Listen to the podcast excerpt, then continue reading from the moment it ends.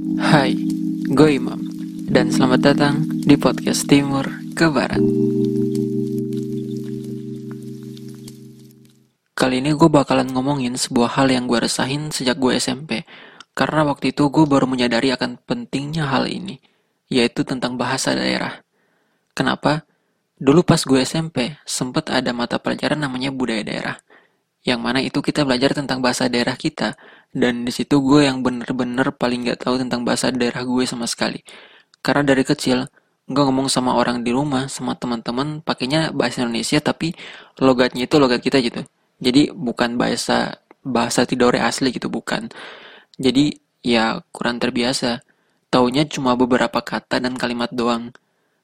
Keresahan ini semakin besar saat gue kuliah di Bandung di mana rata-rata teman-teman gue dan orang-orang di sekeliling gue mereka menggunakan bahasa daerah mereka. Dan saking tiap harinya mereka gunain dan gue makin sering dengar pada akhirnya gue pun terbiasa. Dan dikit-dikit mulai belajar dan akhirnya gue tahu bahwa mereka tuh punya bahasa yang kasar dan yang halus. Jadi gue nggak berani tuh buat ngomong Sunda ke orang yang lebih tua karena gue takut salah. Bahasa mereka yang terjaga itu didukung dengan literatur yang memadai seperti kamus bahasa Sunda salah satunya.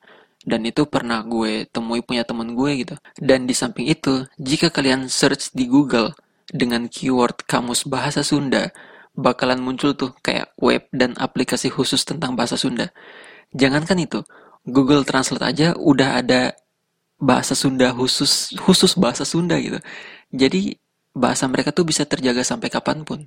Nah, gue ngomong kayak tadi, itu karena gue pengen daerah gue juga gitu. Ya, Tidore lah khususnya. Karena gue bercermin terhadap diri gue sendiri yang sampai saat ini belum terlalu baik dalam penguasaan bahasa daerah sendiri. Dan gak mau terjadi pada generasi-generasi selanjutnya. Karena zaman yang mereka hadapi itu bakalan lebih maju lagi. Budaya luar juga bakalan terus masuk gitu. Takutnya hal-hal yang berbau tentang budaya, sejarah, dan bahasa sendiri itu kurang menarik dan mereka lebih tertarik kepada budaya-budaya lain yang gue tangkap nih ya, permasalahan kita tuh ada di pembiasaan dan konsep. Kenapa? Karena itu yang bisa membuat suatu hal itu bisa menjadi menarik dan bisa ingin dicari tahu oleh orang lain. Dan kalau bisa ngasih solusi nih, gue memfokuskan solusi ini di bidang pendidikan. Kenapa? Karena dari situ, awal mula kita bisa mengetahui banyak hal. Jadi, solusi gue itu, gue punya tiga langkah. Pertama, kita butuh mata pelajaran yang dapat fokus khusus di pembahasan tentang bahasa daerah. Kalau bisa jangan hanya bahasa, tapi sejarah, budaya dan sastra itu juga bisa kita bahas di sana. Dan mata pelajaran ini tuh kalau bisa ada di setiap jenjang pendidikan, dari SD, SMP hingga SMA. Karena dari situ kita bisa mengontrol pengembangan bahasa yang kita punya, apakah berjalan dengan baik atau enggak. Yang kedua, tadi kan gue nyaranin tentang mata pelajaran. Nah, di setiap mata pelajaran kan pasti ada literaturnya khusus. Kalau bisa dibuat tuh literatur khusus mengenai mata pelajaran ini. Atau di sekolah-sekolah gitu kan kayak buku cetak gitu.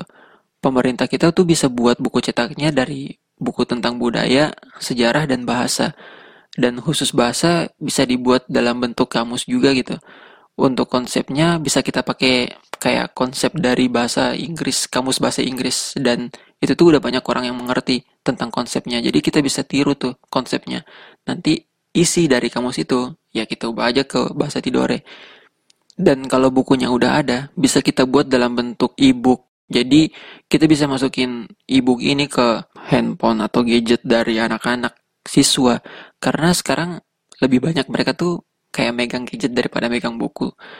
Jadi bisa lebih efektif cara ini karena bisa dibawa ke mana aja dan bisa mereka pelajari di mana aja. Dan yang ketiga, kan tadi mata pelajaran udah, buku udah. Sekarang yang kita butuhkan tuh pembiasaan.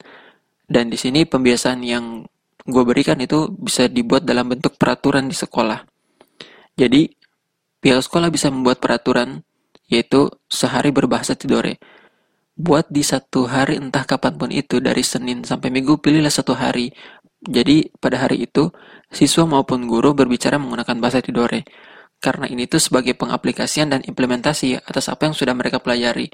Dan dari pembiasaan ini, uh, siswa bakalan lebih cepat buat memahami karena dalam mempelajari sesuatu kan akan lebih mudah dan lebih mudah buat dipahami jika sudah direalisasikan ke kebiasaan kita sehari-hari. Jadi itu tiga langkah yang ya sekedar solusi aja sih. Dan semoga bisa terrealisasikan suatu hari. Dan itu pun kalau ya ini didengar sama petinggi-petinggi di daerah gue dan mungkin tenaga-tenaga pendidikan ya khususnya. Dan itu pun kalau didengerin dan bener-bener jalanin gitu. Kalau enggak dari gue atau siapa pun lah yang bisa ngusulin ini dan bisa bener-bener dibuat programnya. Soalnya mau nunggu kapan lagi coba? Udah harus dari sekarang kita bergerak karena kalau nunggu lama-lama ya materinya bakalan semakin menipis gitu. Literaturnya juga nggak ada. Mau dari mana kita belajar?